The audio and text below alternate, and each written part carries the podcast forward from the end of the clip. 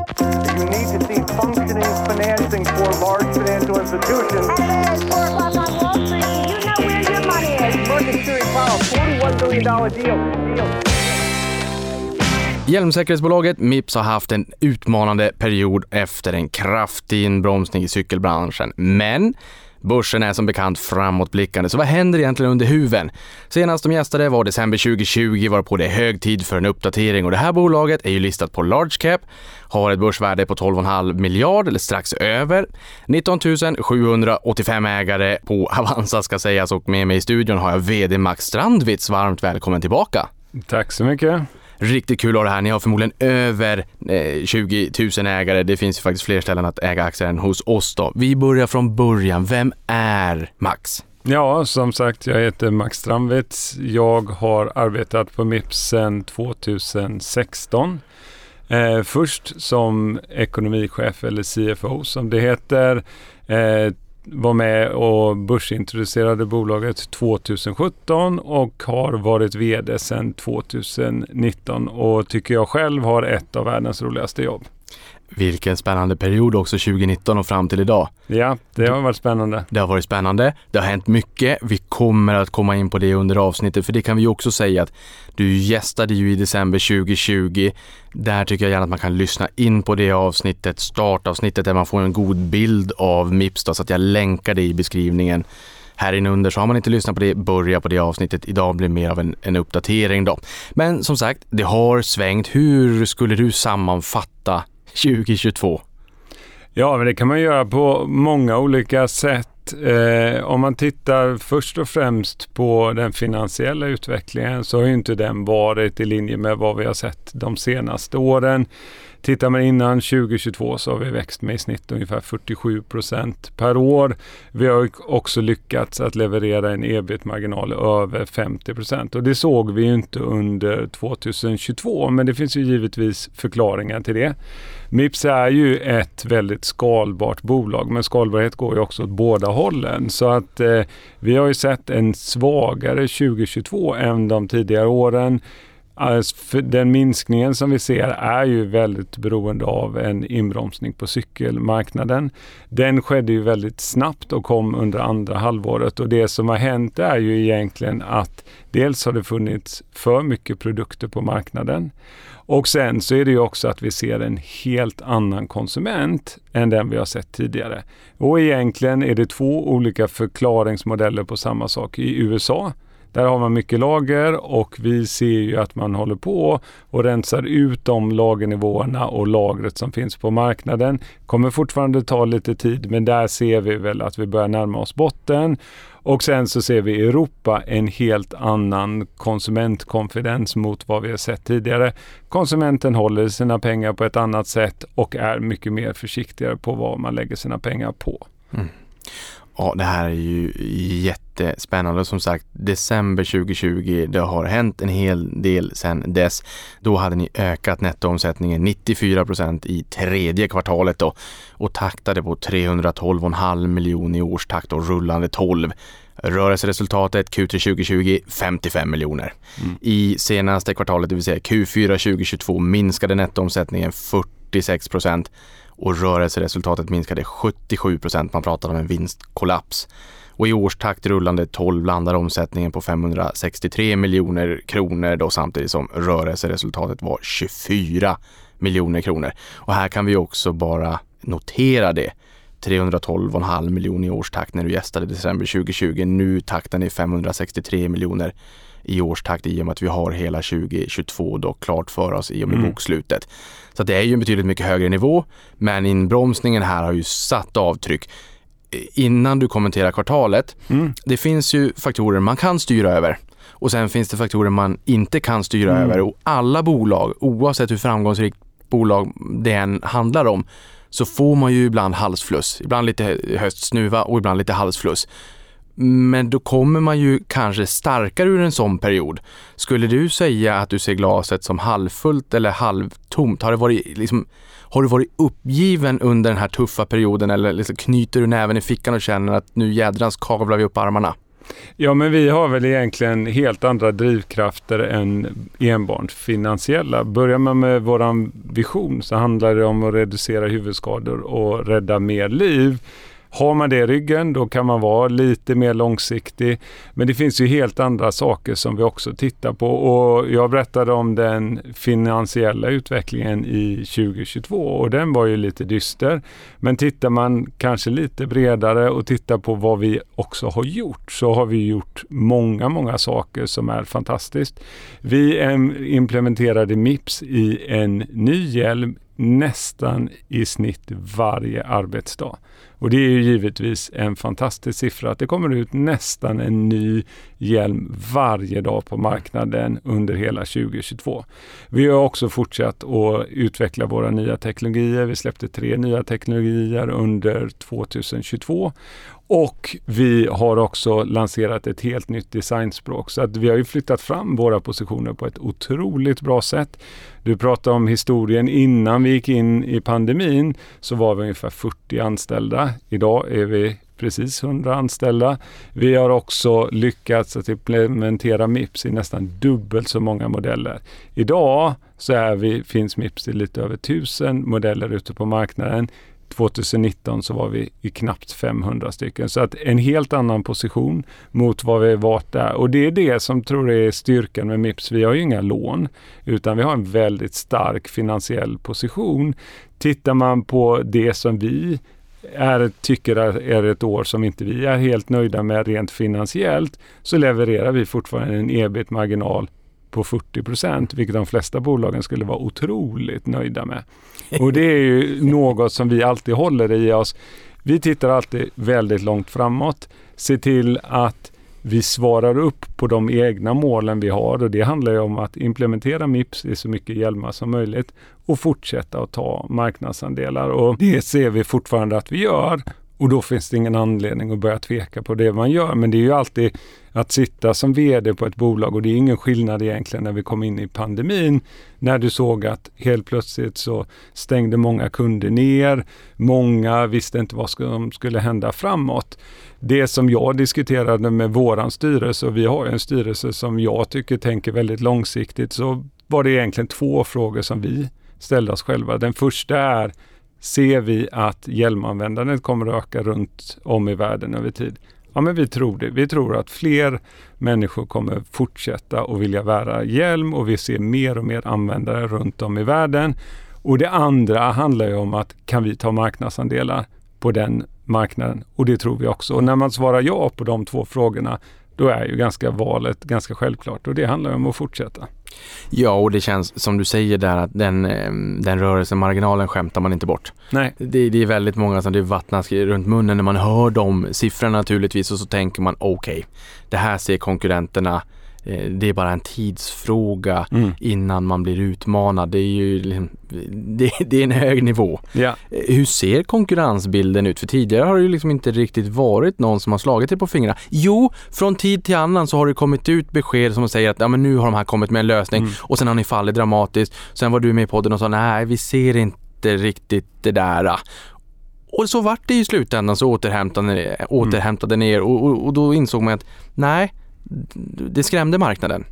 Men det var inte den konkurrensen som man kanske trodde där och då. Hur ser konkurrensbilden ut idag? Ja, och det, bara för att gå tillbaka till det som du berättade. Det är ju rätt roligt när man ser på det med lite perspektiv. För marknaden blir ju väldigt nervös. Mips hade ju aldrig fått någon konkurrent presenterad för sig. Och marknaden är ju alltid nervös och reagerade 30% ner på en dag. Det är klart att det var ju en av de mer svängigare dagarna jag har varit med om.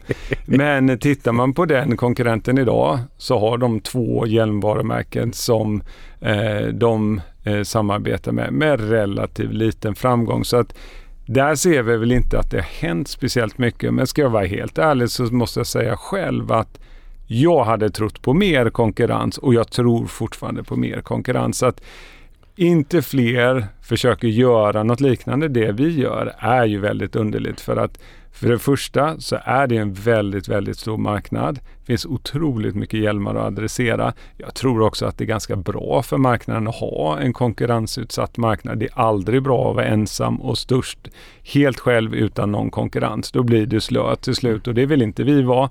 Däremot så har ju vi några unika saker som blir ganska svårt för att få den här fullskaliga konkurrenten. För det första så har vi lite över 150 hjälmvarumärken som vi jobbar med idag. Började från början, det tar ett tag att liksom komma upp till dem. Sen så handlar det om också att kunna konvertera hjälmar till en ny teknologi och tar du de största i världen så klarar de ungefär 6 till 8 hjälmmodeller per år och ett stort cykelvarumärke kan ha upp till 50 hjälmvarumodeller eller hjälmmodeller. Eh, och det innebär ju att det kan ta upp till 68 år att konvertera ett helt sortiment. Så det är inte så himla enkelt och det går inte så fort som jag tror många tror. Och sen är det också det om du sätter det i relation till under den tiden så har Mips nästan gjort en ny hjälmmodell varje dag. Så att eh, absolut tror jag att det kommer konkurrenter, men de får springa ganska fort för att hinna kapp för att vara ens tillnärmelsevis där vi är idag. Ja, och sen tänker jag mig också att det här är ju ändå ganska FoU-intensivt om man mm. säger så. I och med att bakom den här jag vet inte, man får, får man kalla, vad, vad, säger man bäst? Jag vet Johanna, jag ska inte skylla på henne. Vi sa nog att det, det var en gul plastbit i de här ja. hjälmarna. Men, men, det är ju vad man ser där. Men, men bakomliggande eh, värdeskapande resa från start fram till att den där plastbiten faktiskt har landat i den där hjälmen. Det är ju över 20 års forskning nu. Mm. Eh, bara så att de som lyssnar på det här också förstår, berätta lite grann om ändå den djupa vallgraven som gör att det inte är så enkelt att utmana er, inte hittills i alla fall, Nej. och att ni har kunnat försvara de fina marginalerna ni har. Mm. Jo, men eh, för det första så tror jag att vi pratar ofta om det här med balansräkning, inga lån, eh, bara kassa på balansräkningen egentligen. Men om man tittar på den lite viktigare balansräkningen som är egentligen kunskapen som vi har så absolut så har vi 25 års forskning i ryggen och det är alltid härligt att ha. Men vi har ju också en otrolig kompetens inom bolaget. Jag pratar om 100 personer. 50 av dem är ingenjörer och de är bara fokuserade på en enda sak att få ut så mycket produkter som är så bra som möjligt, som är designade för att försöka reducera risken för hjärnskador. Och det är ju inget annat bolag som ens är till, till närmelsevis att ha det. Och det är ju något som gör oss otroligt unika och något som är väldigt svårt att kopiera. Sen är det ju också det att vi jobbar ju idag mycket med datamodellering. Datamodellering gör ju vi för att kunna eh, förutse hur en hjälm kommer att testa innan den finns. Och det är ju någonting som vi gjorde i början för att vi hade inte pengar. Vi hade inte råd. Det är dyrt att testa hjälmar och då använder vi datamodellering. Det är ju någonting som vi har hållit på med i 20 år och blivit väldigt, väldigt bra. Idag har vi sex personer som bara sitter och gör det. Vi hjälper ju våra varumärken i deras hjälmutvecklingsprocess. De skulle aldrig kunna ha det här själva.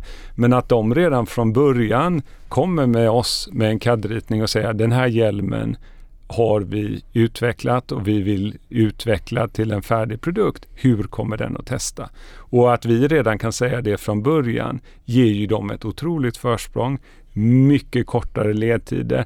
Så att det handlar inte bara om att vi ska ha en fantastisk teknologi. Som ett ingrediensvarumärke så vill vi också hjälpa dem att sälja mer. För det är ju det som är det fina med att vara ett ingrediensvarumärke, att sälja våra kunder, då säljer vi. För det är ju det man gör när man är en ingrediens i en annan produkt. Ja, och jag tycker att det där är jättespännande. Ja, men det här låter ju som att det är ju inte heller så att era kunder tar fram en hjälm och sen säger till er att eh, lägg in era, eran teknologi här i så att det blir en färdig produkt. Utan som du säger att redan från start när CAD-ritningen, mm. att ni kan hjälpa till att från början integrera era säkerhetslösningar för att göra det här till en bättre hjälm innan den ens har sett dagens ljus. Mm. När jag poddade med Ola Rolén för en tid sedan så pratade han just om det här och hur Boeing har kraschat ett flygplan eh, på 80-talet där med testdockor för att se hur, ehm, hur man kunde förbättra säkerheten. Mm, men de har inte gjort det sedan dess. För det var så jädrans dyrt. Och det Ola där sa då, det var att mm, man kraschade det fysiskt på 80-talet. Men sen, sen dess har man gjort det i en digital miljö istället med den här typen av datamodelleringar då. Så att det, det, uppenbarligen så är det inte bara de som gör det. Och här gör ni samma sak och kan hjälpa era kunder att få till ännu bättre och säkrare hjälmar på ruta noll. Det här måste ju vara en, en rätt bra konkurrensfördel tänker jag. Ja absolut och sen så tror jag det här eh, liknelsen med Boeing är ganska rolig. Vi gör ju samma test varje dag fast vi gör ungefär 12 000 test på ett år. Varje test ger det ungefär 18 000 olika datapunkter, så otroligt mycket data som ingen annan har. Och för att sätta det lite i relation till vad någon annan gör, så tar du ett av de större testinstituten eh, i Europa, om du skulle ringa dem och fråga hur många tester de gör på ett år, så skulle de nog slå sig för bröstet och säga om vi gör nog ungefär 1000 tester per år.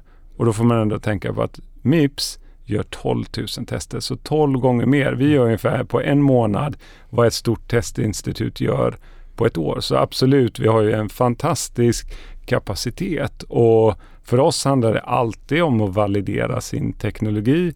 Vi gör ju mycket olycksrekonstruktioner. Vi driver ju forskning med flera olika universitet. Vi har forskningssamarbete med KTH givetvis i Stockholm, även Imperial College i London, University of Ottawa i Kanada för att alltid få perspektiv på det vi gör. Och det tycker jag är jätteviktigt att dels att man ska vara väldigt öppensinnig men att konstant förbättra sig, för allt som inte förbättrar sig till slut så dör man och det har vi inte mm. tänkt att göra.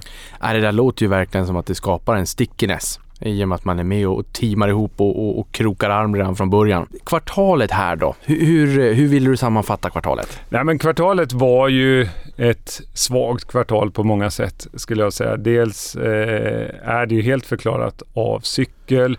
Många som kanske inte känner till Mips på eh, i detalj, det är ju det att vi har ju vissa säsongsvariationer. För oss så är ju cykelkvartalen framförallt kvartal 3 och kvartal 4. Då tillverkas de flesta cykelhjälmarna runt om i världen som ska ut på marknaden under våren. Och Det gör ju att relationen och andelen Mips-produkter eh, som går till cykelhjälmar är väldigt hög.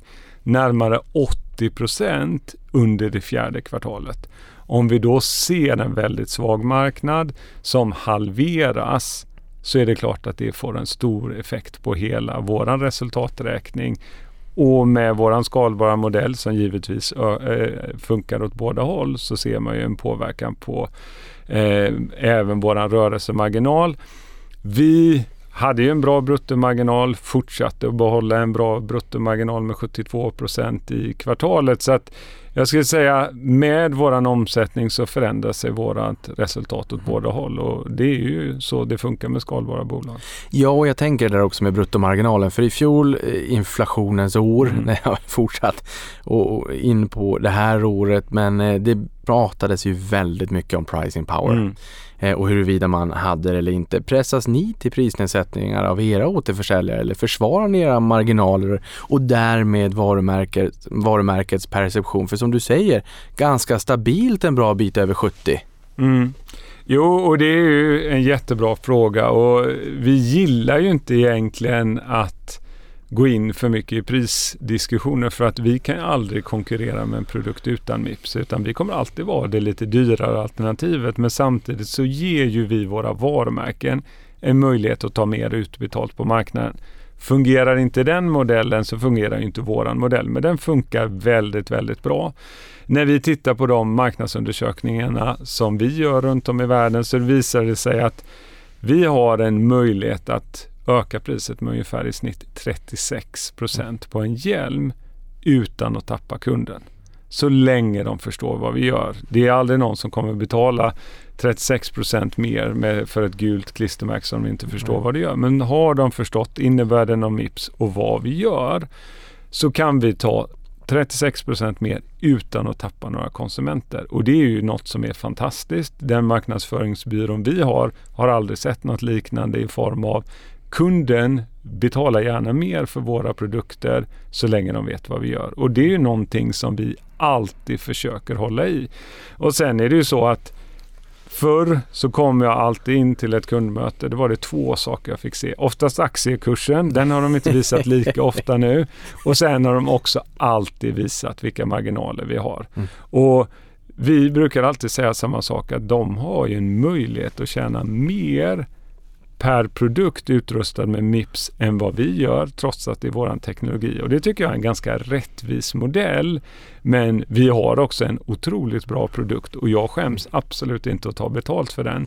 Sen är det också det här att många har frågat mig också om ska ni inte driva på eh, kampanjer och sånt när ni eh, ser att det är en tuffare marknad där ute. Jag tror det är fel. För att dels så sa jag det som jag sa innan. Jag tror ju att eh, gällmarknaden kommer fortsätta öka. Jag ser att vi kan fortsätta att ta marknadsandelar på den. Jag har ingen panik. Jag är långsiktig. Jag tycker att det är otroligt det vi gör. Men att börja med kortsiktiga initiativ för att motverka andra effekter. Det är inte det vi ska göra och det är inte det som kommer göra oss långsiktigt framgångsrika. Nej, och jag blir jätteglad av att höra det. Det är ju en klok herre som har sagt att pris är vad du betalar och värde är vad du får. Precis. Och det är ju klart som du säger där också att ni kan öka priset med i snitt 36 procent för att det här adderar ju ett stort värde. Mm. Vi, vi pratade om det förra gången. Jag, jag, skulle aldrig någonsin kunna tänka mig att köpa en, en hjälm utan Mips och absolut inte till mina barn. Och det handlar inte om att hylla er och höja er till skyarna utan det handlar om att varför ska jag inte lägga den där hundralappen 200 kronor extra på en hjälm som jag vet håller i fem år, säkert sex, sju om man inte vill ha det senaste, modernaste. Sen kanske den torkar ihop lite grann. Alltså det är ju småpengar i sammanhanget och då säger jag nej tack till, till det här skyddet mot rotationsskador. Det, det är ju liksom, det, det är lite grann som att skjuta sig själv i foten. Mm. Men, och det därför gör det mig väldigt glad också att höra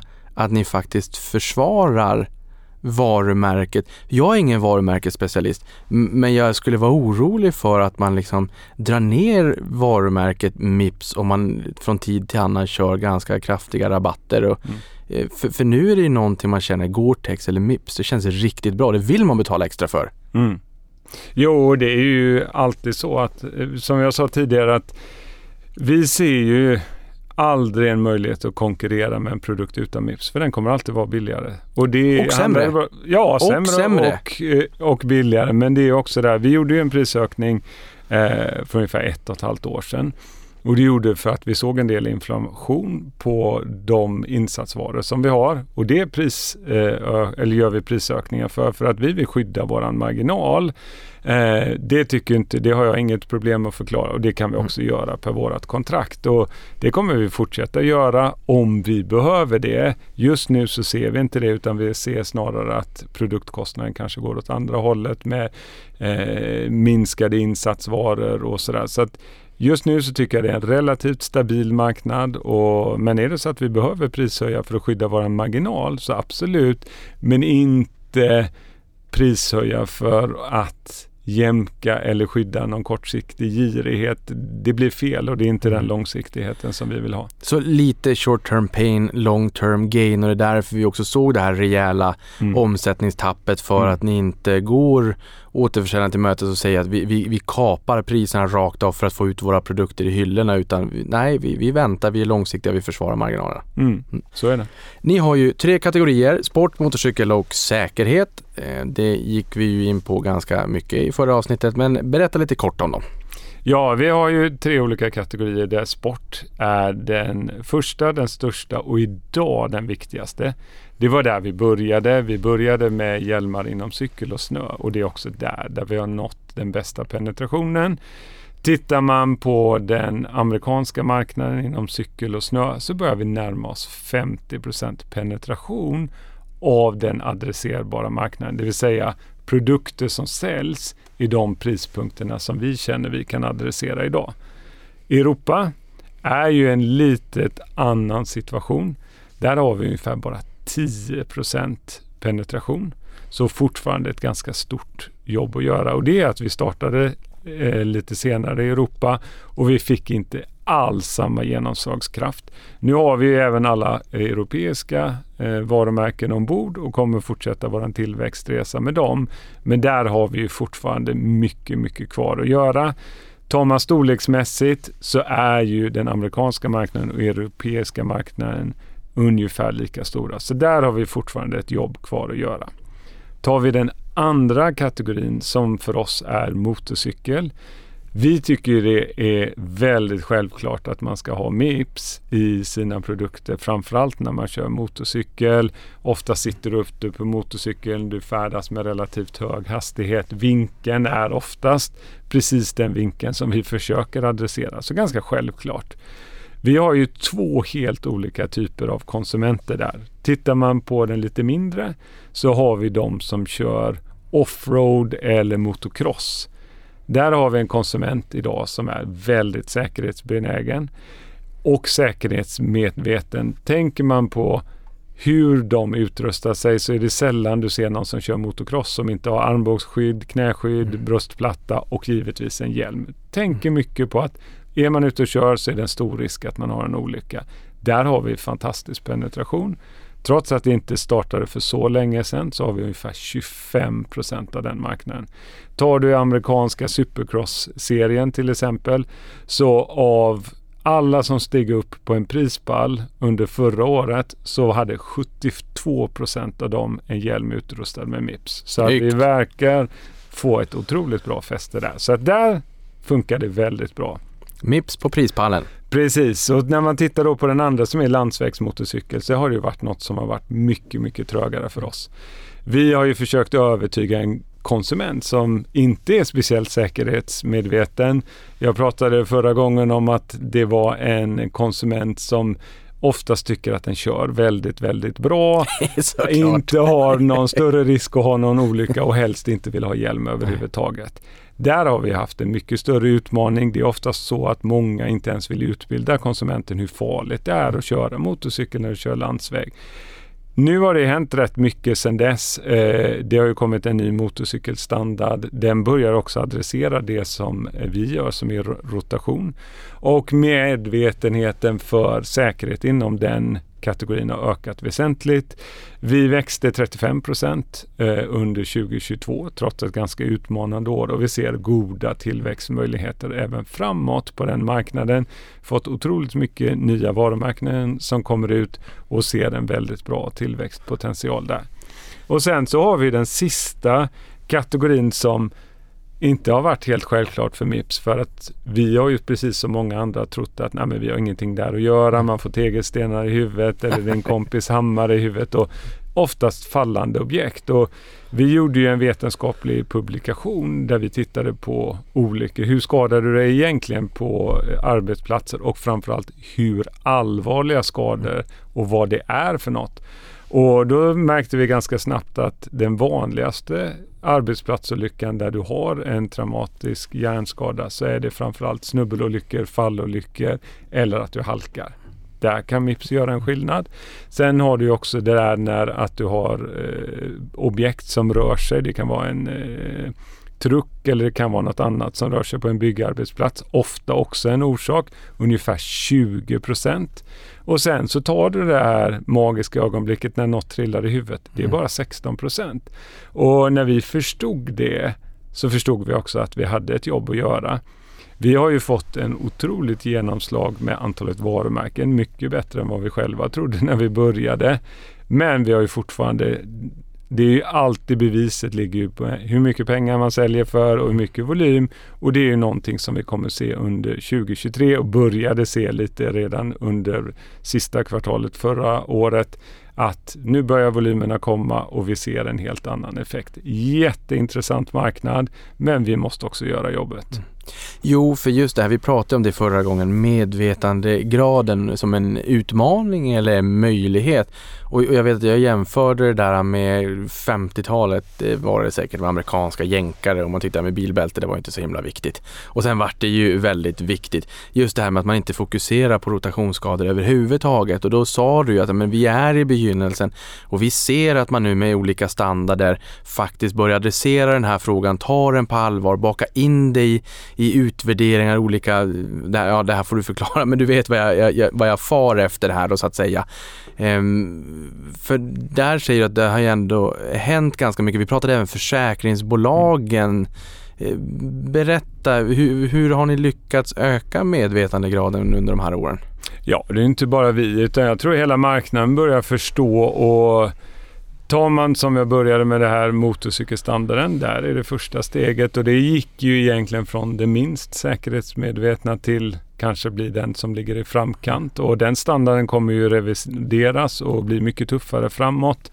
Eh, det har även för de som kör MotoGP som är Formel 1 för eh, snabba motorcyklar kan man säga.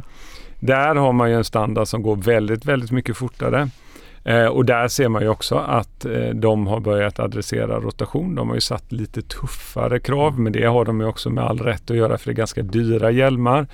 Eh, och där kommer man revidera eh, standarden i en helt annan takt än vad man gör. Och för man adresserar andra typer av hjälmar. Och vi släppte ju våran första hjälm med den första föraren på den cirkusen kan man säga och det är vi otroligt nöjda med.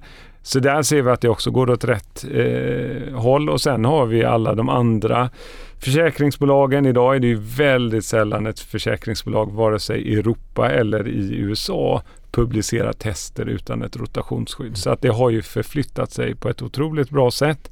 Standarden brukar ju alltid komma längst bak men det verkar som det händer också där och att inom några år så kommer vi se att även standarder revideras och då är ju rotation givetvis ett inslag också för dem. Vi sitter ju alla de regulatoriska organen och vi hjälper ju även till med tester och ser till att standarder utvecklas i rätt sätt.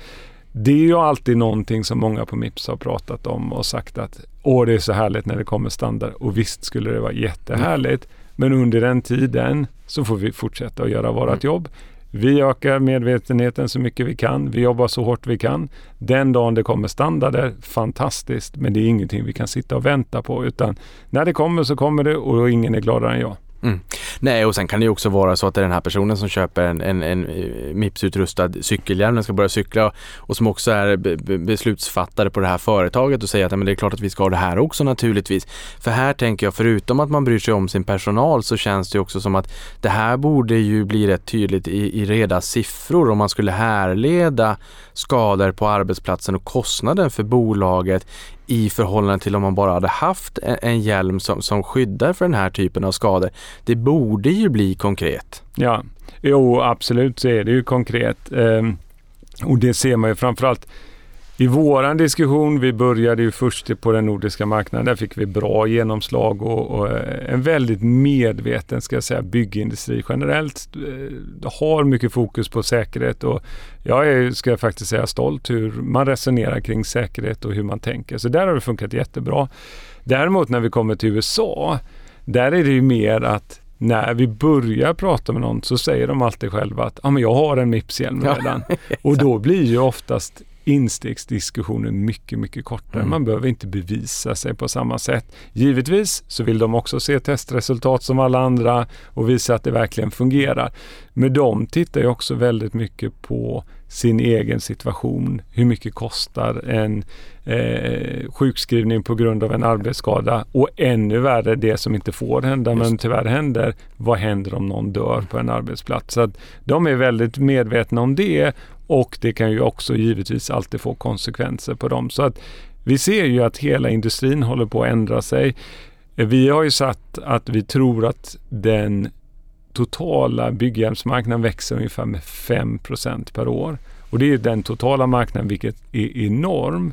Men däremot den typen av hjälm som vi adresserar växer ju väsentligt mycket fortare än det. För att vi ser att egentligen många byggbolag, de går från att använda en gul plastbytta till att faktiskt börja använda någonting som man kallar en hjälm. Och är det en hjälm så kan vi göra skillnad. Men är den gula plastbyttan då spelar det ingen roll om för man har mips eller något. Nej, exakt. Gul plastbytta för syns skull. Och det är ju också så här att ni har en ganska hög ribba för vilka, eh, vilka tuffa krav ni ställer på er själva också. Att vi, vi måste se till att det här rotationsvåldet och, och, och risken för en, en hjärnskada, det ska ju, den risken ska ju minskas rätt rejält för att ni ska vara nöjda och faktiskt ens trycka ut den produkten på marknaden. Ja, men så är det. Det är ju alltid så att dels är ju Mips en kvalitetsstämpel och Idag så är det ju i alla våra kategorier, eh, dels så vill vi alltid att en hjälm ska vara certifierad innan vi ens tar i den. Är den inte certifierad och inte klarat de grundkraven, då är inte vi intresserade. Men sen är det ju också det att när vi testar många hjälmar idag så håller de inte för våra tester och då blir det inte en Mips-hjälm. Oftast så är ju det varumärket ganska lyhört. De har ju kommit till oss av en anledning. De vill ha Mips i sin hjälm. Mm. Så då kan man ju hjälpa dem, kanske säga vad de behöver göra för att hjälmen ska bli väsentligt mycket bättre. Och jag tycker den diskussionen är jättebra att ha för då kan man ju hjälpa hela industrin att förbättra sig och jag ser det som ett vårat uppdrag. Vi är ju störst på marknaden, vi är stora men vi har också en skyldighet att liksom trycka hela industrin framåt och ibland är det att säga nej. Det är ju aldrig roligt att tacka nej till en kund men man måste göra det för det som är långsiktigt rätt. Mm. Jag börjar fundera lite grann om det är så att jag menar, ni har ju under alla de här åren arbetat på att stärka ert varumärke och det är ingrediensvarumärket som som ni är och ni brukar jämföra det med Gore-Tex eh, för att man ska förstå, då trillar polletten ner. Men jag vet inte om det här beror på att jag har mina börsglasögon på mig hela tiden. Men det känns nästan som att ni börjar hjälpa varumärken att, att stärka deras varumärke också, att det blir mer av en symbios mm. nu för tiden. Är det så? Ja, men det är roligt att du säger så, för det är precis så det är. att Vi har ju gått i vår egen varumärkesresa och även vår produktresa från vara en produkt som gör väldigt mycket nytta. Mm. Eh, och det gör vi, absolut. Och det är ju fantastiskt att vara det. Men vi är ju också ganska kritiska till hur vi ser ut och hur vi paketerar oss själva. Och vi har ju också sett att mycket av duktiga ingrediensvarumärken, de gör ju produkten både bättre men ofta snyggare. Så att vi har ju också tänkt att i våran resa så måste vi lyfta hela produkten. Om man tittar på det nya produktdesignen som vi har framåt med alla våra produkter så lyfter vi den produkten vi är i. Mm. Vi är inte alltid gula längre för att det inte alltid en gul produkt gör produkten bättre. Om du går till en konsument som betalar 3000 kronor för en hjälm idag så kanske han vill ha en helt Mips-integrerad lösning i sin hjälm.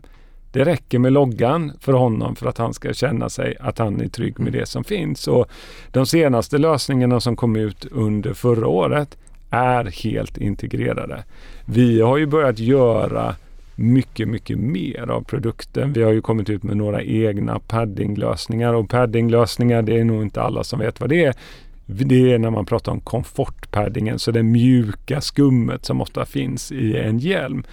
Och där har vi ofta tidigare varit inlagda bakom och sen har man satt dit komfortpaddingen och vi kommer fram till dels från ett hållbarhetsperspektiv det finns ingen anledning att du ska ha dubbla lager utan låt oss göra hela produkten. Och när man tittar på de komfortpaddingarna som vi har designat, jag tycker i alla fall att de är bra mycket snyggare än de som finns på marknaden. Så inte nog med att vi gör en helt integrerad produkt, vi gör den bra mycket snyggare.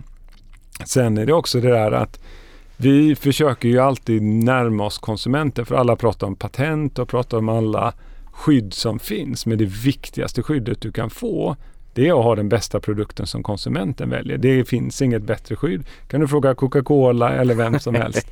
och när man tittar på det så har ju vi utvecklat våra första eftermarknadsprodukter. Så idag kan du köpa en hjälm för 3000 kronor med en speciell Mips-lösning när du har haft den i några månader, kanske svettas mycket, tycker att nej men jag har tvättat den här tillräckligt många gånger. Du kan ta ut den i mm. hjälmen, sätta tillbaks den i hjälmen. Så kanske du vill ha en ny. Då kan du knalla ner till cykelaffären, betala 400 kronor, köpa en ny lösning och sätta i hjälmen. Dels så förlänger vi hållbarheten på hjälmen från ett hållbarhetsperspektiv, givetvis rätt sätt att göra. Men vi har också skapat vår egen eftermarknad. Och så börjar vi tänka mycket mer att vi måste bli väsentligt mycket bättre på att göra det vi gör och det är ju ett steg i den resan. Ja, och det där kommer vi komma in på. Det är, det är också jättespännande för när du säger att komma närmare konsumenten och eftermarknad, då börjar man någonstans skrapa på ytan och ana liksom att det här är morgondagens Mips som börjar växa fram. Då har man liksom gått från det gamla in i det nya, in i framtiden och att det kanske ser lite annorlunda än vad det har gjort historiskt då. Ehm, för det här du säger nu om att komma närmare slutkonsumenten, det kunde man ju läsa i, om i, i senaste rapporten.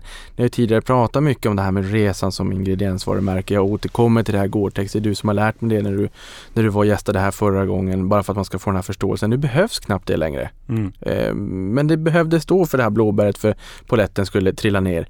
Hur, hur långt har ni kommit i, i den resan skulle du säga? Och öppnar ni en, en, en ny dörr nu där ni fokuserat vill ta en större del av relationen till, till slutanvändaren. Mm. Och egentligen så har inte dörren öppnats nu men Nej. det här handlar mycket om att vi har ju tidigare som jag sa alltid kommit undan med en fantastisk produkt. Mm. Vi har ju i hela vårt budskap nästan försökt göra var och varannan konsument är antingen hjärnforskare eller hjärnkirurg. och idag så får man ju inte lika mycket tid med konsumenten. Får du 30 sekunder ska du vara fantastiskt glad och därför så handlar det mycket mer om att bli lite tydligare vad vi gör och också tänka på vad är det konsumenten vill ha. Och den dörren som du pratar om öppnas, den öppnades egentligen för ungefär två, två och ett halvt år sedan. Det var när det var som mörkast i pandemin. Vi pratar mars. Då såg vi att alla våra kunder släckte ner och vi såg en fantastisk möjlighet att accelerera mycket av det arbetet vi gör. Vi visste att det inte skulle finnas en kund på andra sidan på ganska länge. Vi visste också att många av våra vänner som satt på byråer runt om eh, i stan inte hade speciellt mycket att göra och det är ju ett perfekt tillfälle att börja titta på saker som man kanske inte har tid att göra annars. Och vårt hela designspråk och hela det här mer konsumentnära beteendet som vi har utvecklat, det är ju någonting som började redan då. Så att jag ska inte säga att vi öppnar dörren, dörren är öppen, men det är nu som vi rullar ut det som vi har gjort. Så att det är ju någonting som, för att kunna ta med Mips in i framtiden, så är det ju inte bara ett ben.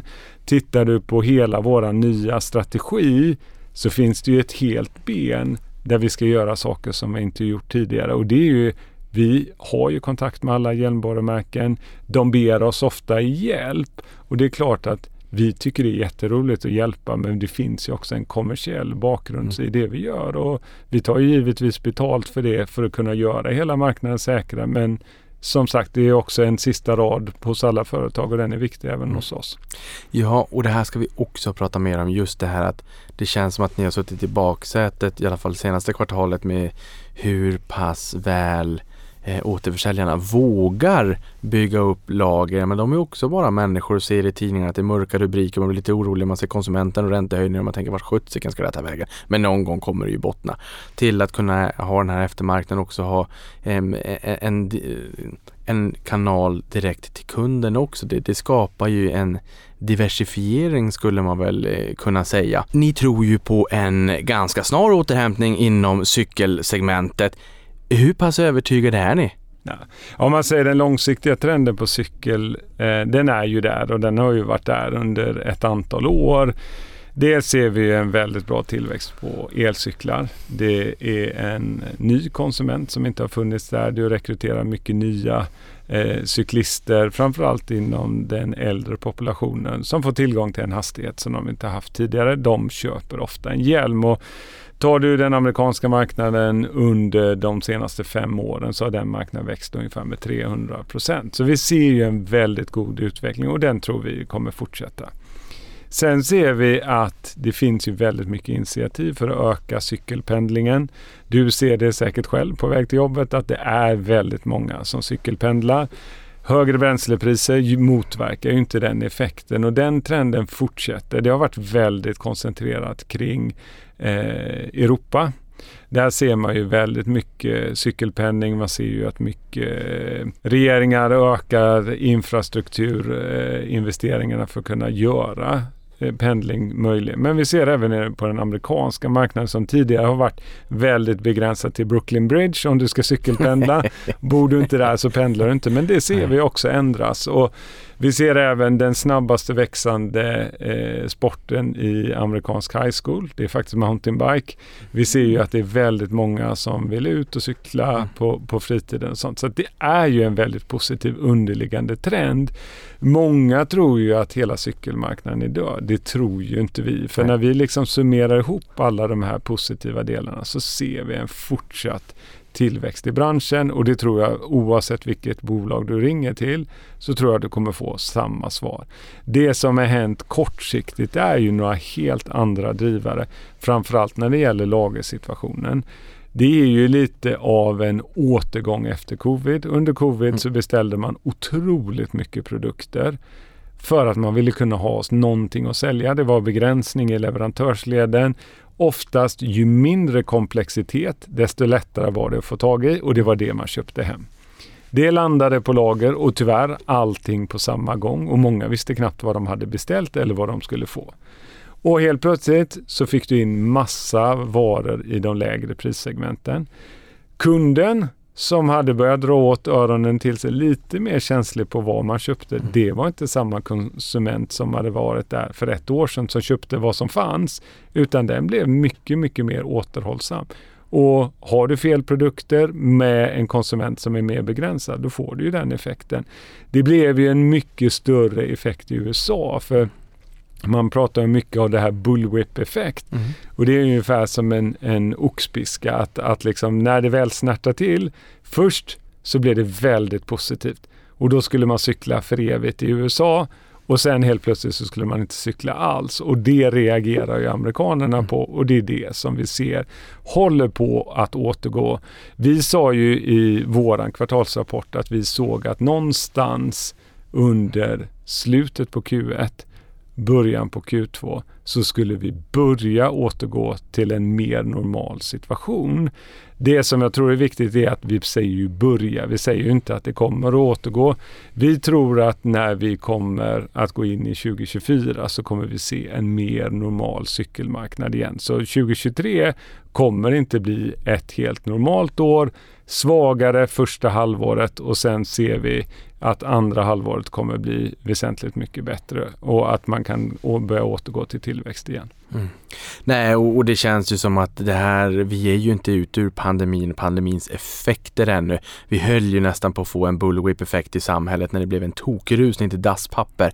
Men jag tänker mig att dasspappertillverkarna insåg att så här, vi, vi kan producera, det är lugnt. Vi kan inte rampa upp produktionen och sitta med, med kilometer av lager med dasspapper som ingen vill köpa när alla inser att de har hundra rullar hemma. Men, men nästan en bullwhip-effekt. Hur, hur styr ni det här äh, med tanke på återförsäljarna? För de styr ju sin egen lag, sitt eget lager, sin egen lageruppbyggnad eh, uppbyggnad då så att säga.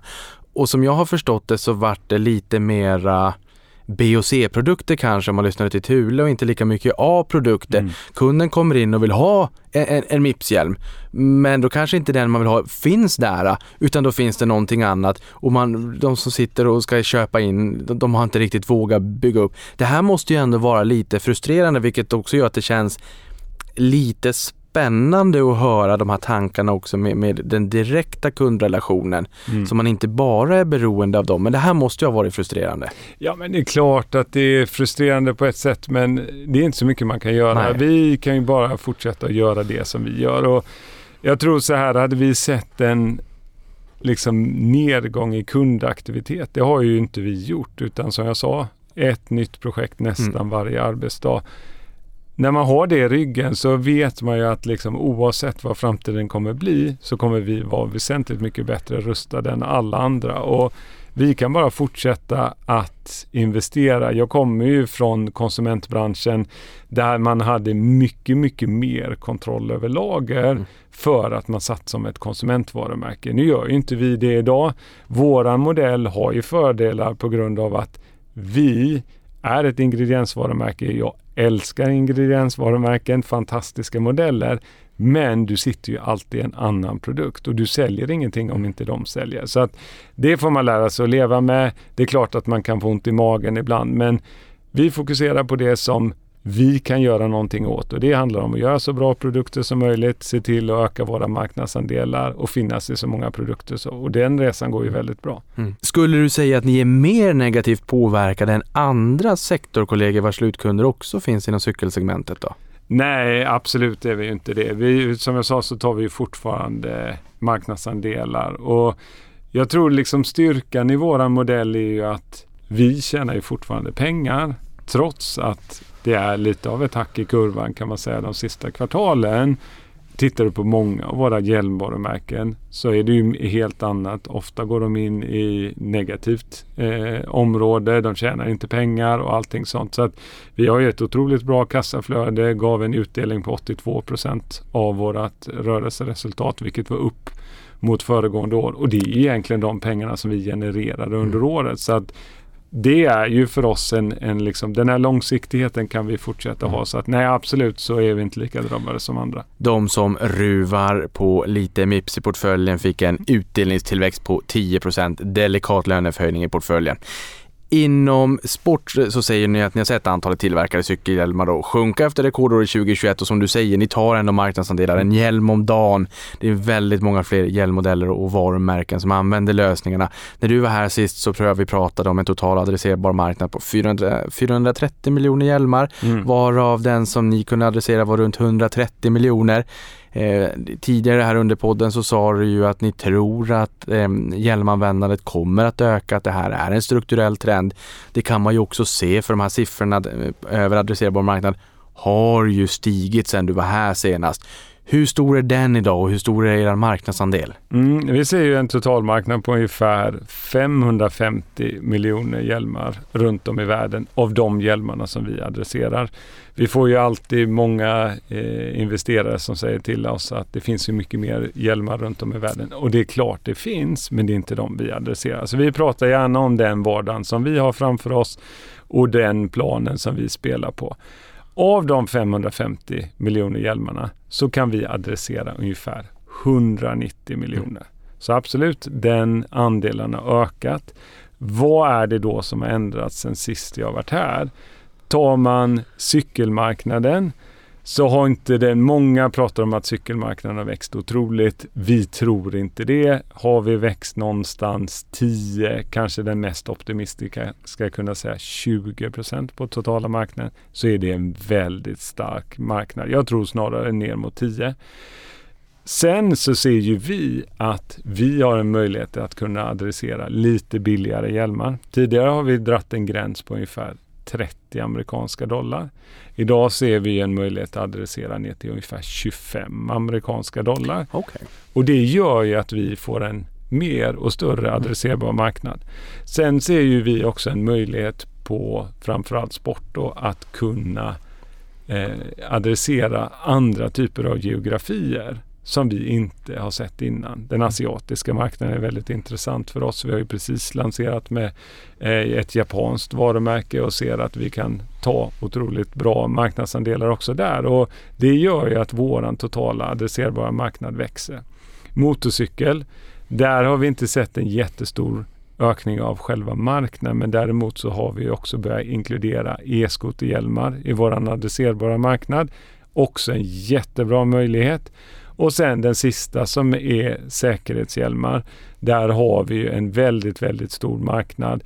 Man får tänka på när vi pratar om våran adresserbara marknad så är det bara 25 procent av alla bygghjälmar som säljs.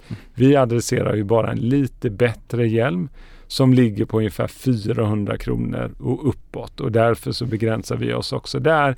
Det är inte kanske priset som är den stora begränsningen. Det är mer att billigare typer av hjälmar har oftast inget mm. nackjusteringssystem och inget hakband. Vilket gör att hjälmen oftast inte sitter kvar på huvudet om du har den typen av olycka som Mips eh, försöker mm. adressera. Och finns det ingen hjälm på huvudet då spelar det ingen roll om man har Mips eller inte. Så vi ser väl en jättebra ökning av alla de marknaderna som vi är. Men det är också en del i vår egen innovationsresa att kunna erbjuda Mips till så många konsumenter som möjligt. Vi hade ju fram till eh, förra året 10 teknologier. Nu har vi 12 teknologier som vi har med en väldigt lång patentlivslängd. De nya teknologierna går ju ut någonstans mellan 2036 och 2040. Och där har ju vi möjlighet att sträcka på oss lite. Vi kallar det för vårt prispiano. Och det handlar ju om att man ska kunna spela på alla tangenter. Det handlar ju om att kunna adressera konsumenten som är längst upp i prisstegen. Men du ska också kunna gå ner till den konsumenten som är längst ner och då måste du kunna erbjuda en differentiering. För du är ju inte speciellt glad om du köper den dyraste hjälmen och sen så går du till kanske det som man kallar för massmarknaden och så hittar du en produkt som ser exakt likadan ut. Nej. Inte jag hade blivit glad i alla fall. Nej, exakt. Men, och, och, här tänker jag också prisskillnaden, för nu, nu, är det, det har ju varit jättemycket plånboksfokus och det är hög inflation och det är hög, höga räntor och de ska bli ännu högre så och då är, är det en del kanske som säger att men herregud, det är väl klart att man inte köper en Mips-hjälm. Det är ju klart att hushållen håller i plånböckerna. Men det är ju det vi har varit in på. Det är ju inte jättestor skillnad egentligen och slår du ut det där på en livslängd på hjälmen på fem år så är det kaffepengar. Men här, hur stor prisskillnad är det vanligtvis mellan en, en, en hjälm som inte har Mips och en, en hjälm som är utrustad med Mips? Finns det någon form av eh, snitt vad det brukar ligga på i premium? Mm. Ja, men det beror lite på vilken typ av hjälm och också hur den hjälmen är prissatt. Men normalt så har vi sagt mellan 200 kronor upp till 400 mm. kronor. Mm. Det är skillnaden mellan att ha Mips i hjälmen och inte ha Mips i hjälmen. Tittar du på lite lägre prispunkter så kommer du ofta ner lite under 200-lappen. Och tittar du på lite högre prispunkter så kan du se upp till kanske 600 kronor som mest. Så där är lite, men då pratar du om en hjälm som kan kosta upp till mellan 4-5 tusen kronor. Mm. Så det är klart att hela hjälmen är dyrare och då brukar också marginalkravet vara annorlunda och man brukar också ta mer betalt för nya teknologier och sånt. Då tittar man på marknads undersökningar så ser du också att konsumenten i högre prispunkter är också mer beredd att betala för teknologi och inte lika priskänslig. Ja, för då får jag nästan svar på nästa fråga. Det är alltså att ni har en högre intjäning ju dyrare hjälm vi pratar om.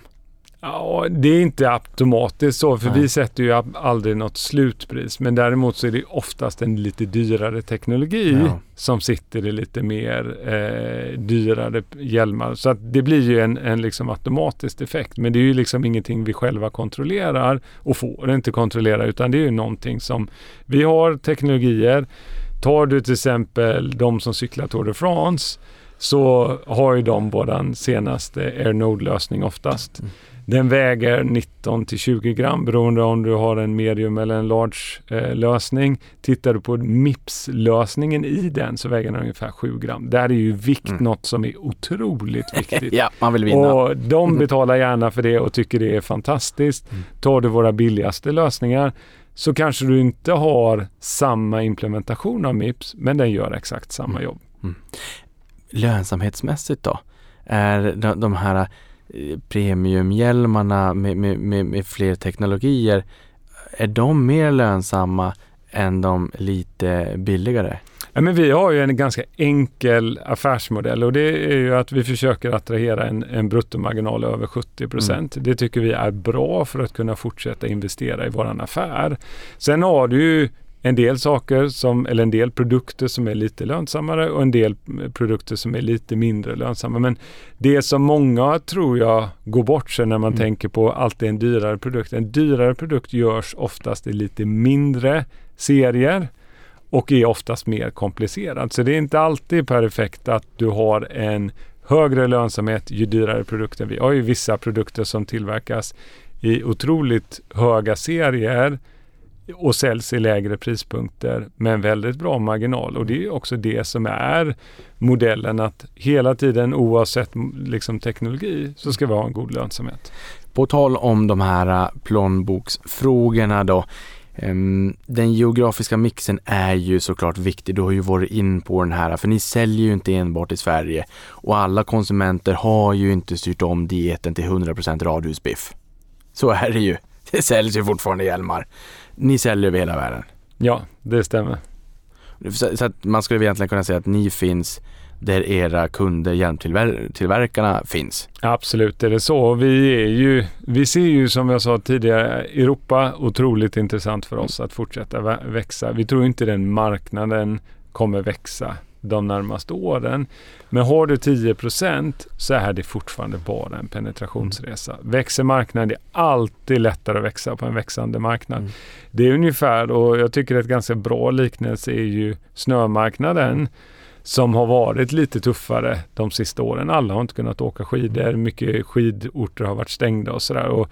Vi tror ju att den marknaden har krympt någonstans 20 procent de senaste åren och kommer att gå upp med de här 20 procent under de närmaste åren när det, saker och ting börjar normaliseras. Sen tror inte vi att den marknaden kommer växa för vi tror att skidåkning är någonting som är dyrt mm. och det är inte alla som kommer att ha råd med det och prioritera det framförallt för jag tror det är det det handlar om.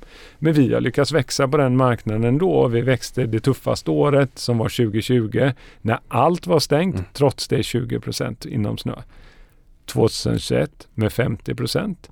Och tittar du i 2022 så växte vi med 84 procent under snö. Så att när man gör en penetrationsresa så är inte alltid marknadsutvecklingen det som är avgörande. Nej. Du ska inte behöva kommentera aktien eller värderingen, men vi kan konstatera att aktien sjönk som mest 77 procent från 30 november 21 eh, till, och då kan vi säga november 21, då var egentligen mm. typ allting toppade. Jerome Powell var ute och sa okej, okay, det är inte riktigt så transitory längre då. Vi ska adressera det här och vi kommer att göra då vad som krävs och där den 22 november toppade Nasdaq och sen bara rakt ner i källan. Vi sa att ni hade haft det tufft i fjol alla hade det tufft i fjol. Speciellt om det var lite mindre bolag, om det var tillväxt, om det var tech, det var rakt ner i källaren. Nasdaq hade en snittnivå på 66% från toppen 21 till botten 22. Bara så att vi har med det i kontexten då. Och här var det 77% ner till eh, 17 oktober i fjol. Sen dess har aktien stigit 74% Det går fort i hockey. Men den här kraftiga inbromsningen vi har sett nu inom cykelsegmentet, är det här den här typen av isvaksbad det vi kan förvänta oss framåt? Eller är det här i din mening en riktigt dramatisk inbromsning kopplat till återstarten av pandemi och allt stök som har varit och att det här är ingenting vi behöver förvänta oss från tid till annan framåt. Alltså en så här kraftig inbromsning som vi nu har sett. Nej, men det är väldigt svårt att, att liksom kommentera enstaka händelser som kanske inte direkt har med Mips att göra och det är väl det som är bra att vara på börsen. Du får ditt pris varje dag på hur bra du gör ditt jobb. Ibland är det bra, ibland är det dåligt men det är svårt att agera ute efter det. Vi har ju vår långsiktiga strategi och vi har inte sett någonting i den inbromsningen som har skett nu som gör att vi skulle ändra på den. Är det någonting som vi ser inte fungerar eller saker och ting inte går åt rätt håll Ja, dels har vi balansräkningen till att ändra det. Mm. Men vi har inte sett det. Vi ser fortfarande alla långsiktiga trender. Vi ser fortfarande att vi kan fortsätta ta marknadsandelar och är ganska nöjda med utvecklingen. Mm. Och den 12 september när vi skickade ut en, en vinstvarning så var det ju många på Mips. Jag fick ju sätta mig ner och skriva ett brev och kommunicera med alla för att det var ingen hos oss som hade märkt att, och man kommenterar ju aldrig finansiella resultat inom ett kvartal på ett bolag och så här, så att det var ingen som hade en aning om att det var så som, som marknaden såg ut. Vi hade ju fortfarande väldigt mycket att göra. Vi fortsätter ju att anställa folk, vilket vi fortsätter att göra. Så att det är svårt att agera på kortsiktiga trender. Det finns väldigt många som alltid berättar för en hur man ska göra med verksamheten istället. Men vi gillar våran plan. Vi tycker att det är rätt sak. Vi hade ju turen, och det ska jag säga är väldigt tur, att under hela vintern så uppdaterade ju vi våran strategi. Mm. Vi gjorde ju en ny finansiell plan. Vi växte ju ifrån våran gamla plan och då är det klart att kan man hålla sig i den så är det ju väldigt mycket skönare. Framförallt när det blåser lite och det gör det alltid där uppe på toppen. Ja, ja det gör det. Och det låter ju också som att ni gasar er igenom en, jag vet inte om man får kalla det kris, men, men ni, ja okej okay då. Ni gasar igenom en kris som, som beror på externa faktorer ni inte kan styra över. Ni kan styra över det ni gör till vardags på jobbet. Det verkar som att ni har gått från 40 till, till 100 kollegor och det verkar ju onekligen tuffa på rätt bra. Det är det också som jag uppskattar att du kommer hit till podden där vi för en stund får lägga bort aktien. För du säger det är klart att man får ett betyg varje dag hur det går. Ja, fast börsen är ju lite en drama queen också. Det är ju inte alltid bara ens egna motprestation där alltså som ingår i, i volatiliteten. Nej, men så, så är det ju alltid. Men man kan ju ändå säga så här liksom att eh, min mamma sa länge sedan att världen är inte rättvis och det är den inte. Så det får man bara gilla. Jag tror också det här att det som är viktigt att tänka, vi finns idag i totalt nio olika hjälmkategorier. Mm. En har vi sett en inbromsning i. Våra framtida tillväxtmöjligheter, vilket är de andra åtta där vi ser otroligt bra potential. Där har vi inte sett den effekten. Och ska vi då förändra hela vår verksamhet utifrån det som händer i en hjälmtyp. Vi tycker inte det är rätt. Styrelsen tycker inte det är rätt. Och långsiktigt är jag helt övertygad om att det inte är rätt sak att göra. Nej, och det kan vi säga som du har varit in på här också, motorcykel då med en tillväxt på 33 procent i förra kvartalet och säkerhet. Där säger ni att ni har byggt upp en, en stark kundbas och nu handlar det om att bygga volymer. Så det är klart att det, de här två områdena kommer ju springa snabbt från en låg bas och att det blir en annan, en, en annan kanske mer balanserad mix i, i, i framtiden. Det, det jag tror att vissa funderar kring, eller det, det jag tror att alla fundera kring, det är ju ni tror på en återhämtning, ni är ganska övertygade om en återhämtning. Men nu är vi ute i tassemarker. Tror du att vi har lämnat det värsta bakom oss ännu? Ja, jag tror att det är ju alltid så att eh, när det är botten, jag tror att eh, botten har vi nog sett när det gäller eh, våran del. Vi tror ju inte att det kommer att sjunka mycket djupare. Vi ser ju att eh, cykelmarknaden börjar se lite ljusglimtar. Eh, de andra kategorierna som vi haft, där har vi ju inte haft den här nedgången så att det är svårt att skönja en nedgång som aldrig har varit. Mm. Så att eh, ja, jag tror faktiskt att det värsta är över. Kommer det bli en enkel framtid? Nej, absolut inte. Jag tror att man får också tänka på alla pratar om olika lågkonjunkturer. Alla pratar om att Mips aldrig har varit i lågkonjunktur och det har vi ju aldrig. Och tittar man på 2000, ja men då var Mips bara ett forskningsbolag som inte hade några intäkter. Så det var vi nog inte jättepåverkade av. 2008, ja men då såg man lite av en lågkonjunktur. Men det som är skillnaden idag tror jag som att man måste ändå förhålla sig till är ju att vi ser helt andra eh, räntor på marknaden. Mm. Vi ser mycket, mycket högre energipriser än vad vi har sett på väldigt lång tid. Och har vi en annan geopolitisk situation, vilket också driver mycket inflation och andra delar. Och det har vi aldrig sett förut. Det kommer givetvis att bli utmanande, men i de typerna av hjälmar som vi ser som våra framtida så finns det fortsatt bra tillväxtmöjligheter. Nu i februari aviserade ni ju ert andra partnerskap med det globala varumärket, i det här fallet då Delta Plus. Mm. Vad, vad är det här för någonting? Delta Plus är ju ett franskt varumärke. De gör någonstans, eh, enligt dem själva, 4 miljoner hjälmar per år, vilket gör att de blir en global spelare.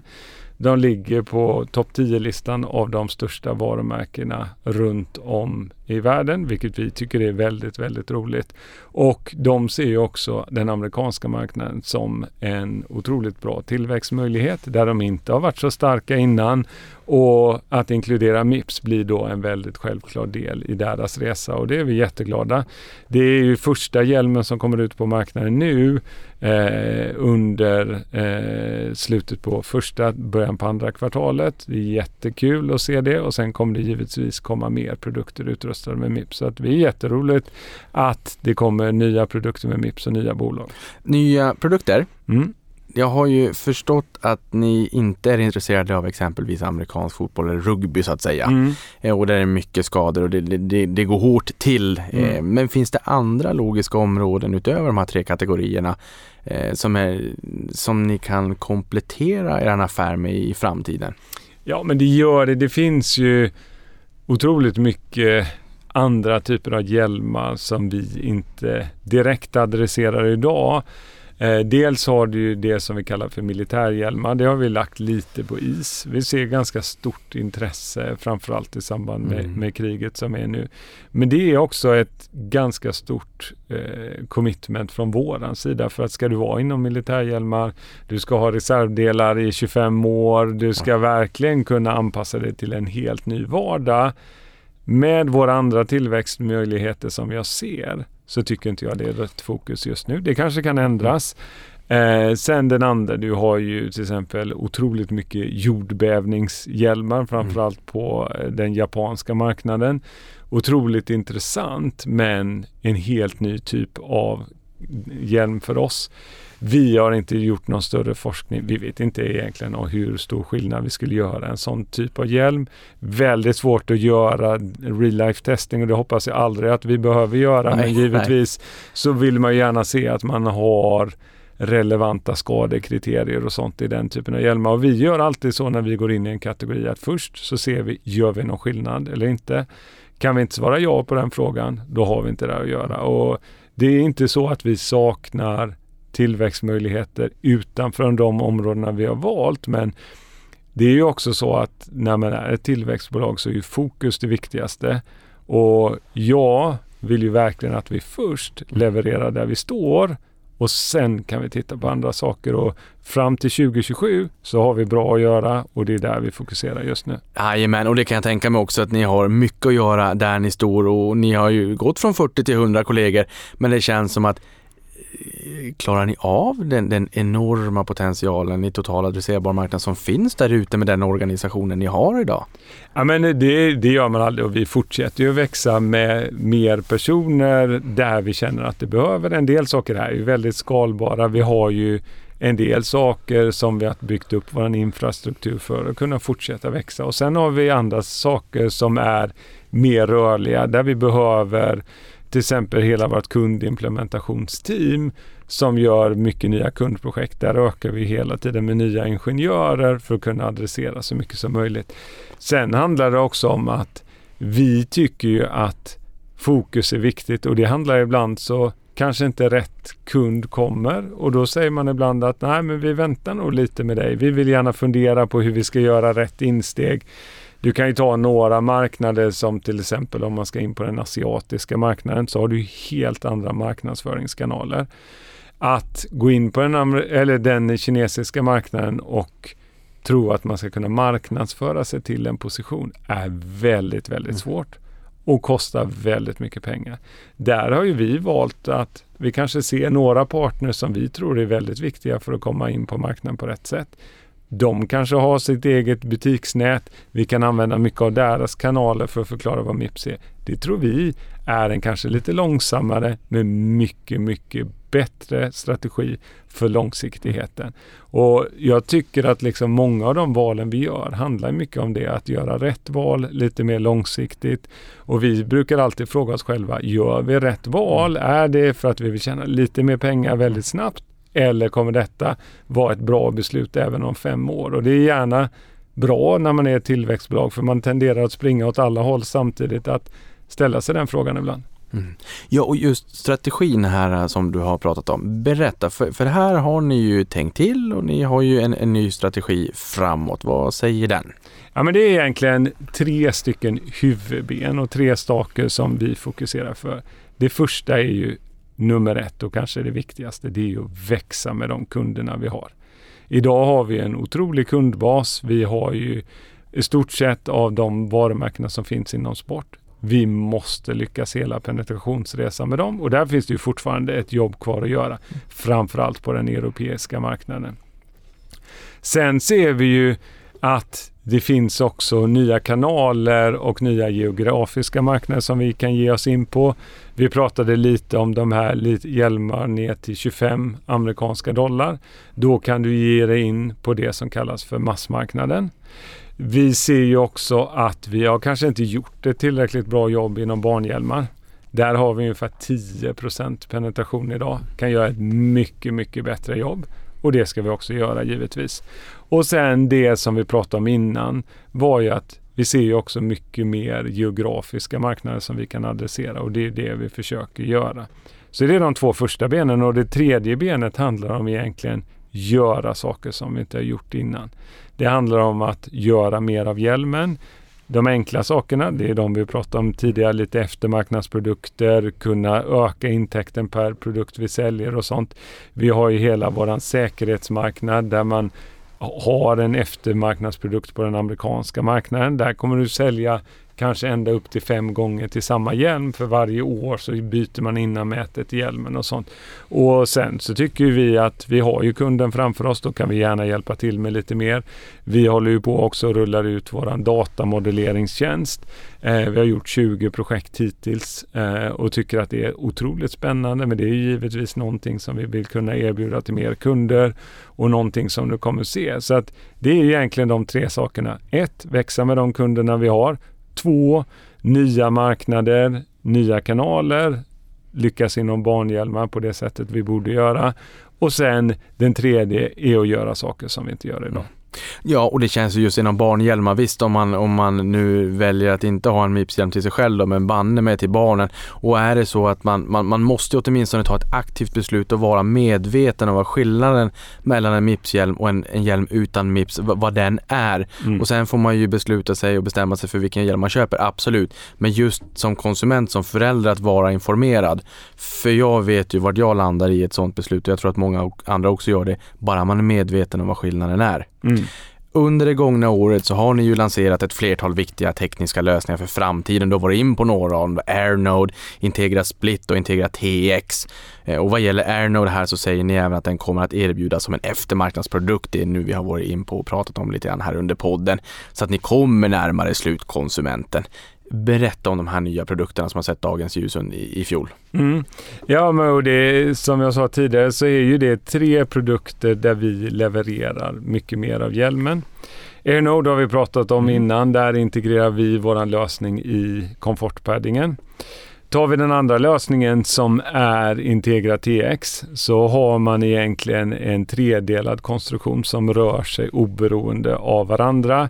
Kanske inte jätteenkelt att förklara över en podd men det går bara att gå in på hemsidan så kan ni se hur fantastisk den lösningen är. Men där har vi också en möjlighet att kunna diversifiera produkten genom att kunna erbjuda två olika densiteter i samma hjälm eller till och med i två olika lager. Och det är ju ett väldigt bra sätt att kunna hantera lite lättare stötar samtidigt som du vill ha en hjälm som kan adressera de lite högre stötarna. Så att lite mer multifunktionell lösning. Något som vi inte tidigare erbjudit men något som vi ser otroligt spännande och den hjälmen har ju fått ett jättebra genomslag på marknaden och så något som vi tycker är väldigt, väldigt intressant framåt där vi hjälper våra kunder att bli ännu bättre och vi levererar en mycket större del av hjälmen. Den sista delen var ju en lösning som heter Integra TX som är som det låter en textillösning. Där gör ju vi hela komfortpaddingen i en motorcykelhjälm och som alla vet så är det en ganska stor lösning. Där så har ju också du lösningen integrerad i komfortpaddingen. Där lanserar vi den lösningen med Kabuto och det kommer sitta i en av deras förares hjälm som heter Alex Espargaro. Han är topp tre rankad i världen inom MotoGP och kanske egentligen det ultimata betyget. Vi är ju fantastiskt glada att ha en MotoGP-förare som kör med våran produkt, men vi ser också ett väldigt bra intresse från andra kunder. För dels är det en lösning som du behöver inte omcertifiera hjälmen. Det är ganska dyrt, kan kosta upp till 100 000 amerikanska dollar Oj. per storlek. Ta upp till ett år, så våran tid till marknad förkortas ju väsentligt när man har den typen av eh, lösning och något som vi har sett ett väldigt bra intresse för. Så otroligt roliga lösningar. Många tror jag att de gjordes under förra året. Det är åter mm. här, två, tre års produktutveckling och också där vi har lagt mycket av våra insatser. Och vi tycker väl att den takten är ganska lagom. Att alltid komma ut med nya produkter. Två, tre lösningar är ungefär vad vi orkar med att ta till marknaden på ett bra mm. sätt. Men alltid roligt att komma ut med nyheter. Mm. Utöver det så har ni ju också under hösten lanserat ert nya designuttryck. Det här har du varit in på under mm. podden. Men berätta nu allt vi behöver veta. Vad är det här för någonting? Mm. Nej men det handlar ju om, om, lite om det som vi sa innan. Vi har ju varit lite av, vi kallar det på engelska för yellow stiflers, men väldigt, väldigt lojala till den gula färgen. Och ibland så blir det ju inte alltid bättre genom att allt är gult utan vi vill ju försöka få det gula att poppa på ett helt annat sätt, att sticka ut på ett helt annat sätt och också kunna lyfta den totala hjälmen som vi är i. Och det finns ju otroligt mycket detaljer i en Mips-lösning som många inte ser. Vi tycker inte vi använder dem på bästa sätt. Så fixeringslösningar som kan göras väldigt mycket snyggare. Vi har så himla mycket duktiga designbyråer i Sverige. Det är klart vi ska använda dem för att kunna få våran produkt att se så bra ut som möjligt. Och jag tror att de flesta lösningarna som kommit ut, ni kommer bli alla väldigt förvånade hur snyggt det kan vara. Och vi har gjort en otrolig upplyftning eller till och med ansiktslyftning kanske vi ska säga av våran egen produkt och jättestolt med hur det kommer se ut. Och det här är ju bara början av våran resa. Vi kommer ju ta ut mycket, mycket mer produkter ut till marknaden med det nya designspråket ungefär 600 produkter kommer ju ändra utseende inom den närmaste tiden för att kunna dels, tror vi, lyfta produkter men också sälja mer. För det är ju därför i grund och botten säkerhet är ju alltid viktigast att har du en snyggare produkt så kommer konsumenten välja den och då kommer den också sitta på huvudet. Men, men för börsnördar som har eh, börsglasögonen på sig, det kommer inte bli svårare att göra sin DD och spana in hjälmar när man blir omcyklad på stan? Nej, absolut inte. Det som vi inte ruckar på det är ju att på baksidan som du alltid ser så sitter en 16 mm logga eh, på hjälmen. Det tycker vi är en fantastiskt bra sigill mm. för att det är en Mips-utrustad produkt och det är ingenting man vill tumma på. De senaste fem åren fram till och med 2021 då så ökade ju intäkterna med 46,8 procent mätt mm. som en CAGR, en årlig genomsnittlig effektiv tillväxt och vinsten steg 76,9 procent mm. eh, per, per, år här då i snitt under samma period. Eh, och aktien upp 832 procent ex mm. utdelning. Det får man ju heller inte skämmas för då. Eh, jag kan tänka mig att en och annan tyckte att oh, de missade man det där tåget också. Sen fick mm. man ju en, en, ny möjlighet då med, med, med nedsvungen som har varit. Eh, det jag tänker på här det är ju att när vi ser att det blir en, en mer balans i, i lagernivåerna där ute, finns det en risk att det blir ånyo en svung åt andra hållet och kan ni leverera där eller kan det bli korvstoppning? Nej, det är väl alltid svårt att, att liksom spekulera på vad som händer efter. Jag tycker att det är alltid bra att fokusera. Först ska vi ta oss ur startfållan eh, och det är ju att börja leverera till en marknad som förhoppningsvis är mer balanserad. Vi har ju varit otroligt duktiga också under pandemin. Vi missade ju inte en enda order under hela pandemin, något som jag tycker vi har gjort fantastiskt bra. Vi använder ju vår balansräkning mycket till att säkerställa att vi hade rätt säkerhetslager av våra egna produkter och kunde leverera. Vi har ju alltid en modell där vi jobbar med underleverantörer eller våra tillverkningspartners som vi kallar dem. Idag är de 83 stycken runt om i världen och där har vi en kapacitet att kunna fortsätta växa. Så att eh, nej, det ser jag inte som en begränsning utan när marknaden kommer så är vi redo för den. Mm. Omsättningen steg ju varje kvartal från Q2 2020 mm. fram till Q2 2022. Därefter har den då, eh, minskat då. Mm. Och där toppade ju rörelsemarginalen på 54 procent i Q4 mm. 21 eh, och var 41 procent nu senast. Jag tänker, att, och ni har ju som mål att den ska vara över 50 procent och här tänker jag att eh, det här borde ju kunna ge en rätt god operationell hävstång framåt när vi ser volymökningarna. Mm. Ja, vi har ju en, en mål på 50 procent och när vi släppte dem i 9 juni förra året så var det många som tyckte att det var alldeles för lågt och ska ni bara ha 50 procent? Vi tycker att leverera en ebit-marginal över 50 procent är bra och när tillväxten kommer med våran skalbara affärsmodell så kommer vi på sikt att återgå även till den. Implementationsprojekten här som ja. du pratar om och det är väldigt många nya modeller. Mm. Det bubblar väldigt mycket. Strunta i aktiekursen för en stund och titta vad som händer i bolaget. Ja. Uppenbarligen så händer det ju mycket. När kan man börja skörda frukterna där? För du säger att det är ju ändå en cykel från att man, man, man skakar hand och säger att vi kör på det här fram till mm. att den finns ute i handeln. Mm. Och så här är det ju normalt när vi utvecklar en lösning till en kund så är det ungefär en ledtid på 12 till 18 månader. Lite längre på motorcykel och lite kortare på säkerhet. Lite beroende på vad. Eh, säkerhet har inga lanseringsfönster utan där brukar man trycka ut hjälmen när den är klar. Inte alls samma säsong på det sättet. Det betyder ju att om en hjälm blir klar sista december 2022 så är det ju fortfarande ett och ett halvt år mm. kvar tills den kommer ut på marknaden. Så att de hjälmarna som vi utvecklade under förra året de kommer ut någonstans mitten på 2024. Just Så att de hjälmarna som vi utvecklade under 2021, det är de som man kommer se under 2023. Så att det finns ju alltid en ny tillströmning och det tror jag också att det är därför många undrar så här liksom att hur tror ni eller hur kan det vara lite mer säkra än kanske andra? Det är ju att Mm. vi vet ju alltid det finns en pipeline med nya produkter som kommer fortsätta hjälpa oss att ta marknadsandelar på marknaden. Och det ger ju en, en relativt bra trygghet. Hade vi sett att kundernas aktivitet att utveckla nya produkter hade minskat, ja men då hade jag varit väsentligt mer orolig. Men det har vi inte gjort Nej. än. Nej, och just det här med försörjningskedjor har ju varit en följetong uh, för många bolag de senaste åren. Och som du säger här, vilket ni är stolta över och ska vara stolta över att ni inte har missat en enda order. Nu ser vi ju en ljusning i Kina och att det Mm. öppnar upp. Det här bör ju rimligtvis påverka er positivt. Ja, det tror man ju, men det är mycket som man inte vet än idag. Så att, Exakt. eh, vi har ju sagt till, till våran personal Mm. att vi väntar gärna några månader innan de börjar resa till Kina igen. Eh, vi vet inte exakt hur det här kommer att utkristallisera sig. Det känns som absolut så går vi i rätt riktning. Det känns som att Kina öppnar upp och att vi kan se en mer normalt fungerande marknad. Men eh, att vara helt säker, det är aldrig bra nu för tiden. Globala fondförvaltare har ju underviktat sällanköp. Man är ju Mm. orolig för, för konsumenternas plånböcker. När, vi ser BOFA-enkäten som när man skickar ut denna enkät till globala förvaltare som ruvar på hiskligt stora belopp så säger de att sällanköp det har varit iskallt. Och det har det ju. Men vi har ju också sett reaktionen kursmässigt och börsen är ju framåtblickande. Det får vi ju inte glömma bort.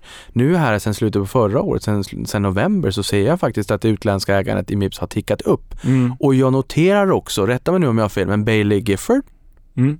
mm, intressant. Kinnevikskoppling, Avanza-koppling. Mm. Ehm, vad säger utlänningarna? De börjar ju hitta tillbaka. Mm. Utlänningarna har ju många gånger lite längre tidshorisont. De jobbar ju med kanske några år bort och, och sådär. De tror väl antagligen som vi att vi ser en, en möjlighet att växa på en, på en väldigt intressant marknad. Tittar man, många tycker ju att liksom den totala hjälmmarknaden inom cykel har kollapsat. Men tittar man på den totala marknaden så är den ju fortfarande större än vad den var innan pandemin. Så dels lite större marknad som jag sa. Jag, vi tror ju någonstans 10% och kanske lite till. Och sen en möjlighet att ta marknadsandelar. Och det tror jag att många som sitter med lite längre, bredare tidsperspektiv. Sen är det väl många också så här att som tror att ett bolag blir ju inte, går ju inte från ett fantastiskt bolag till ett dåligt bolag på ett eller två kvartal. Då får man göra någonting som är fullständigt fel eller någonting som hänt. Och eh, förhoppningsvis så har vi deras förtroende och det verkar vi ha. Mm. Sista två frågorna, tiden går fort när man har roligt. Bara så att jag ska inte hålla det här för länge men det har varit väldigt, väldigt trevligt. Någonting som kanske, beroende på hur man ställer sig till det, inte är lika trevligt, det är ju att ni är börsens mest blankade aktie med 14,86 procent av kapitalet publikt blankat enligt Finansinspektionens blankningsregister den 17 februari. Ehm, några dagar sedan alltså. Vad är det som de här aktörerna tar fasta på eh, utöver värdering? Alltså, pratar ni med dem? Vad, säg, vad säger de? Nej, egentligen pratar vi med dem väldigt, väldigt sällan. Eh, det har varit någon enstaka gång eh, och jag har erbjudit mig att prata med dem. Samtidigt så jobbar ju de med finansiella teorier som inte vi jobbar med. Det är väldigt mycket mer kortsiktigt och så här. Och egentligen ganska lite som man kan göra åt. Eh, om man tittar från en blankningssida utan att gå in för mycket i detalj så är det ju att vi, det finns ju två olika s- saker som blankas idag. Dels är det ju oftast tematiska blankningar. Du pratar om sällanköpsvaror eller outdoorindustrin. Där har man ju en hög andel blankare idag och det är givetvis någonting som träffar Mips. Och sen så finns det ju också att mycket av de här bolagen som jobbar med teknologi, tillväxtbolag och sånt är oftast utsatta. Men hur de tänker och vad de gör, det är nästan någonting som de själva får svara på. För att vi kommer ju inte ändra någonting i förhållande till det, utan det enda vi kan göra är att fortsätta leverera, se till att vi har de bästa produkterna på marknaden, se till att vi levererar i våran strategi. Det har ju vi gjort det vi kan. Det blir väldigt konstigt att agera på ett kortsiktigt beteende när vi inte Mm. ens vet vad vi ska göra för att adressera vad de tycker och ganska ointressant egentligen.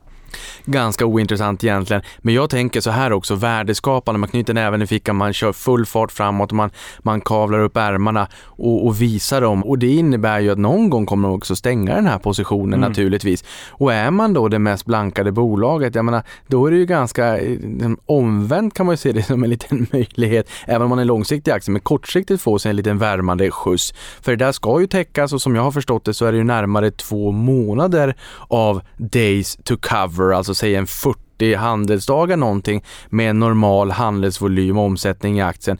Så att det ska ju till ganska mycket för att man ska lyckas täcka det här. Det har vi ju sett från tid till annan. Jag tror till och med vi fick en, rap, en, en artikel i DI där man tyckte att rapportreaktionen var lite konstig. Man tyckte att aktien borde ha gått ner och sen gick den upp istället. Men det är många som är kort den här och det här är ju bara 1486 publikt. Sen behöver man ju inte rapportera under 0,10 och det kan ju ackumulerat skapa kanske ytterligare några procentenheter.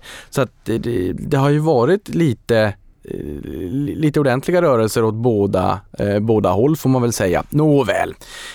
Era finansiella mål anger att ni ska nå en omsättning på 2 miljarder kronor 2027, vilket då kan jämföras med 563 miljoner kronor i fjol. Därutöver ska ni ha en rörelsemarginal på minst 50 och dela ut minst 50 av resultatet. Och omsättningsmålet här, det tarvar ju en årlig genomsnittlig effektiv avkastning på 29% per år under den här perioden från idag 2023 till och med 2027.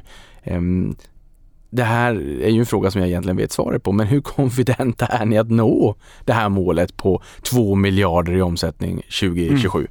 Nej, men vi ser fram emot att leverera på den planen vi har lagt framåt. Jag tror att när man gör den beräkningen så får man också tänka på att 2022 är ju inte ett helt normalt år. Så att dels är det det att vi har ju ett svagt jämförelseår i 2022 som vi ska fortsätta leverera tillväxt mot.